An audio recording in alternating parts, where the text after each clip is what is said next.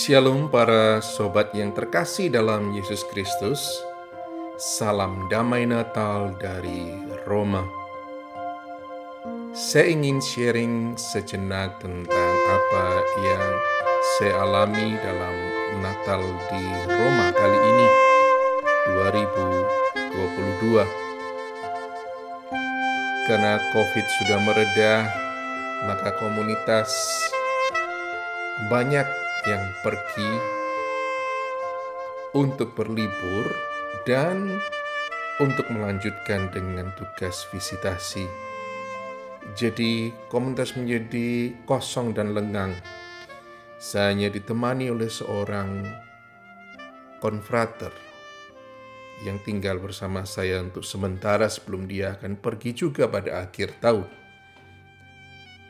Jadi tidak ada perayaan Natal bersama karena semuanya dirayakan dengan sederhana. Pada malam Natal, kami memutuskan untuk pergi ke tempat misa yang berbeda. Saya berjalan menuju ke Basilika Lateran yang hanya kurang lebih 2 km dari rumah di sini. Dalam perjalanan menuju ke sana, jalanan lengang. Toko-toko 98% sudah tutup semua. Orang-orang rupanya entah pergi ke misa, entah pergi juga berkumpul bersama dengan keluarga. Dalam perayaan Natal di Basilika, semuanya berlangsung dengan sederhana namun khidmat pas sekali dengan makna Natal yang saya harapkan. Setelah misa usai, perjalanan pulang saya sempat ditemani oleh dua uh, biarawan kapusin muda yang tadi konselebrasi bersama. Tapi hanya beberapa menit karena biara mereka sangat dekat dengan Basilika. Selanjutnya perjalanan saya lanjutkan sendiri pulang jalanan lebih sepi lagi. Hampir tidak ada kendaraan bermotor, tinggal lampu jalanan yang menemani. Bersama dengan bunyi dedaunan yang terdengar dengan jelas ketika terinjak. Biasanya itu tidak mungkin karena jalanan selalu, selalu, dan selalu hirup pikuk Lalu apakah saya merasa sedih dengan adanya Natal yang demikian? Tidak juga, ada perasaan sepi ya, tapi tidak juga begitu bersedih. Karena apa? Saya melihat ada suatu kesempatan yang baik, bahkan sangat baik. Tentu Anda bertanya kesempatan untuk apa? Bagi saya ini kesepian ini, keheningan ini adalah kesempatan yang besar untuk merenungkan Natal perdana yang juga sepi dan sunyi. Seperti kita baca di dalam Injil, Maria dan Yosef sudah mengalami perjalanan jauh dari Nazaret menuju ke Bethlehem. Dan di sana ia mengakhiri perjalanan dengan sangat lelah Maria sudah waktunya untuk melahirkan, tetapi mereka ditolak di mana-mana, bahkan untuk sekedar menginap dan melahirkan anak. Bagi konteks Yahudi, hal ini adalah suatu penghinaan besar. Mengapa? Karena orang Yahudi sangat mementingkan hospitalitas apalagi terhadap orang-orang asing. Karena apa? Karena mereka punya pengalaman sebagai bangsa perantau. Ada ada cium di antara mereka yang mengatakan bahwa engkau dahulu adalah bangsa asing, maka terimalah bangsa asing yang datang kepadamu dengan penuh sukacita. Jadi hospitalitas itu nomor satu. Satu penghinaan yang besar jika orang menolak tamu, apalagi orang itu orang asing. Apalagi tamu itu yang mengharapkan hospitalitas yang besar dari sesama orang Yahudinya. Peristiwa ini, peristiwa penolakan ini sangat tajam menusuk. Penusuk hati dari Yosef dan Maria.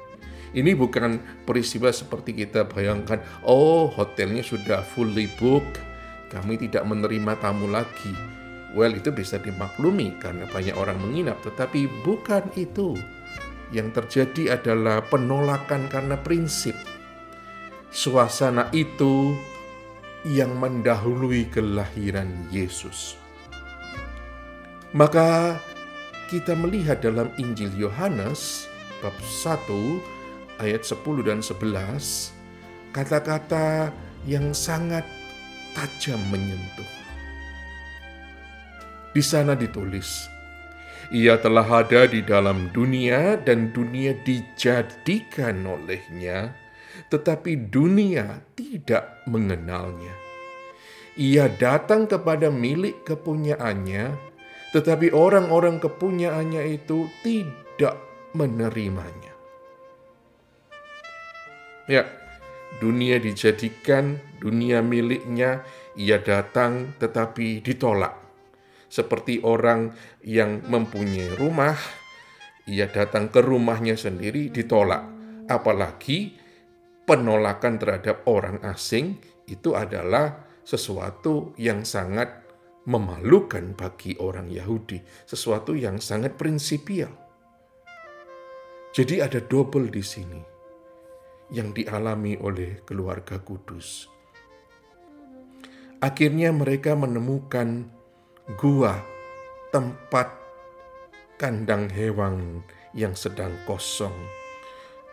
Mereka pergi, hewan-hewan itu dikembalakan untuk mencari rumput.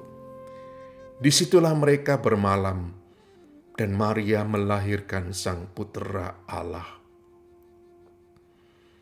Bebauan hewan ternak yang tidak sedap itu yang menyambut mereka yang menyambut putra Allah yang dibaringkan di atas tempat makanan hewan dan dibalut dengan kain lampin. Tapi apakah Anda melihat atau pernah membaca dalam Injil suci ada reaksi marah, tertekan, tertindas, merasa disingkirkan, merasa menjadi korban ketidakadilan, lalu menjadi halu? Tidak ada. Apakah keadaan sekitar memang benar-benar bermusuhan dan tidak adil? Iya. Seperti saya katakan tadi, sangat aneh penolakan itu. Karena bagi orang Yahudi, hospitalitas adalah nomor satu. Dan ini tidak dialami oleh keluarga kudus. Jadi keluarga kudus termarginalkan. Namun, Sekali lagi, ini tidak membuat mereka menjadi halu dan menjadi sakit hati. Coba teliti kembali keempat Injil dengan baik. Kata marah tidak ditemukan di sana. Mengapa? Karena mereka, Yosef dan Maria, disibukkan oleh kehadiran seorang bayi mungil yang kecil, anak Allah Sang Raja Damai. Kekuatan kasih Allah yang menjadi manusia ini menyerap mereka, membasuh segala keletihan fisik dan jiwa. Dalam kedalaman kesunyian ini, sesungguhnya surga bersorak ria. Namun para sobat terkasih, gemerlap dan sorak-sorai surgawi ini hanya bisa dilihat dan dialami oleh mereka yang tidak tinggal di tengah hiruk pikuk kota yang penuh dengan pesta pora. Seperti Raja Herodes dan segenap isi, isi istana. Di sana, di sepi padang rumput, di puncak malam yang gelap, para gembala yang sudah biasa dengan sepi, dengan suara hewan, dengan keheningan padang malam hari, mendengar kabar sukacita, melihat gegap gempita malaikat surgawi yang mewartakan tentang kelahiran Mesias, dan dengan seketika mereka mengalami sukacita konser surgawi yang bergema raya. Sekali lagi, hanya the silence dwellers, mereka yang tinggal di dalam kesunyian, yang dapat mengalami dan melihat hal ini. Tentu mereka bergegas untuk menemukan dan menyembah bayi kudus Yesus Kristus. Dan tentu saja dengan sederhananya mereka menceritakan segala keajaiban surgawi yang telah terjadi kepada Maria. Lalu, apakah Maria iri pada para gembala itu yang mengalami penampakan konser surgawi yang begitu agung? Apakah Maria merasa ditinggalkan Allah karena tidak mengalami konser surgawi itu? Sekali lagi, tidak. Anda tidak akan menemukan hal itu tertulis dalam Injil suci. Namun, kita justru melihat, membaca dalam Injil suci, bahwa Maria menyimpan semua perkara ini di dalam hatinya dan merenungkannya. Seorang ibu yang dahsyat. Ia tidak sibuk untuk meratapi nasibnya ataupun marah ataupun tersinggung ataupun bersedih. Ia sibuk mencintai putra Allah yang berupa bayi yang belum sepenuhnya dipahaminya itu didekapnya dengan penuh kasih sayang. Bersama Yosef, mereka tahu bahwa mereka harus melindungi putra ini. Jalan yang mereka ambil adalah jalan sepi sunyi, karena mereka sadar inilah jalan yang diambil Allah untuk hadir di dunia miliknya sendiri yang menolaknya. Para sobat sekalian, jalan sepi dan tersingkirkan itu masih berlanjut sampai di Mesir. 690 km jalan kaki dari Bethlehem. Luar biasa bukan Natal perdana itu. Lalu untuk apa sang putra Allah mengalami ini semua? Jawabannya adalah karena ia mau menjadi sama seperti kita, sehingga tidak satu sudut pun yang tergelap dalam kehidupan kita yang ia tidak alami. Inilah arti dari apa yang tertulis dalam Injil Yohanes bab 1 ayat 14 Firman itu telah menjadi manusia dan diam di antara kita, dan kita telah melihat kemuliaannya. Di tengah segala kemanusiaan yang ia alami itu, kita juga bisa melihat kemuliaan Allah. Maha, di manakah kemuliaan itu? di dalam sunyi. Mereka yang tinggal dalam hiruk pikuk pesta pora Natal atau yang sering disebut oleh orang Amerika the Christmas spirit tidak akan pernah menemukannya. Saya ulangi lagi, tidak akan pernah. Mereka memang akan menemukan suasana riang gembira, makanan enak, foto-foto tampil di Facebook, teman yang membuat ketawa ketiwi, hadiah-hadiah yang indah, gemerlap suasana dalam tanda petik Natal. Namun, apakah kesemuanya itu adalah kebahagiaan sejati? Hati Anda yang terdalam pasti menjawab, bukan. Para sobat yang terkasih, ada banyak orang atau mungkin kita pun sendiri yang mengalami Natal yang sepi karena berbagai macam alasan. So what? Lalu apa? Apakah harus kita ratapi? Apakah harus kita sesali? Ya kalau begitu tinggallah dalam penyesalan dan ratapan itu.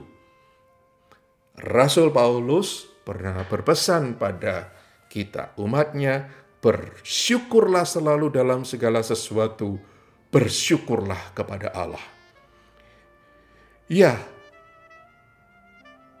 justru kita harus bersyukur jika baik sengaja maupun tak sengaja kita mengalami Natal yang sepi. Itulah Natal perdana. Itulah Natal sejati. Tak perlulah kita membandingkan diri dengan mereka yang bisa merayakan the Christmas party yang hiruk pikuk ini. Justru mereka ini yang akan terhalang untuk mengalami pengalaman yang dialami sendiri oleh sang bayi Natal dan keluarga kudus. Ingat para sobat, konser agung surgawi Natal yang kini menjadi lagu yang luar biasa itu pada mulanya hanya dianugerahkan pada para gembala. The silence dweller. Mereka yang tinggal dalam kesunyian, dalam kesederhanaan, dalam kemiskinan. Barangkali para sobat kita perlu dengan sukacita yang kreatif mengisi kesepian Natal dengan berbagi kebahagiaan dengan mereka yang karena bukan sementara tapi karena terpaksa harus hidup dalam kesunyian, kesendirian, kesepian. Bukan untuk sementara, tetapi untuk mungkin seumur hidupnya, karena mereka tidak memiliki apa-apa dan tidak memiliki siapa-siapa. Ada banyak. Lihatlah anak-anak jalanan. Anak-anak dengan disabilitas yang dibuang oleh keluarga dalam institusi tertentu. Orang-orang sepuh di panti jompo. Dan kaum papa yang bahkan tidak mempunyai apa-apa. Setidaknya para sobat, kita bisa berbagi damai Kristus yang kita alami bersama mereka yang harus hidup dalam sepi ini. So, para sobat yang terkasih, selamat Natal. Semoga damai Natal meraja di hati kita. Damai di bumi bagi orang-orang yang dikasihi Allah. Damai di hati kita di dalam kesunyian hidup kita. Bayi Yesus yang lahir memberkati Anda dengan senyum damainya.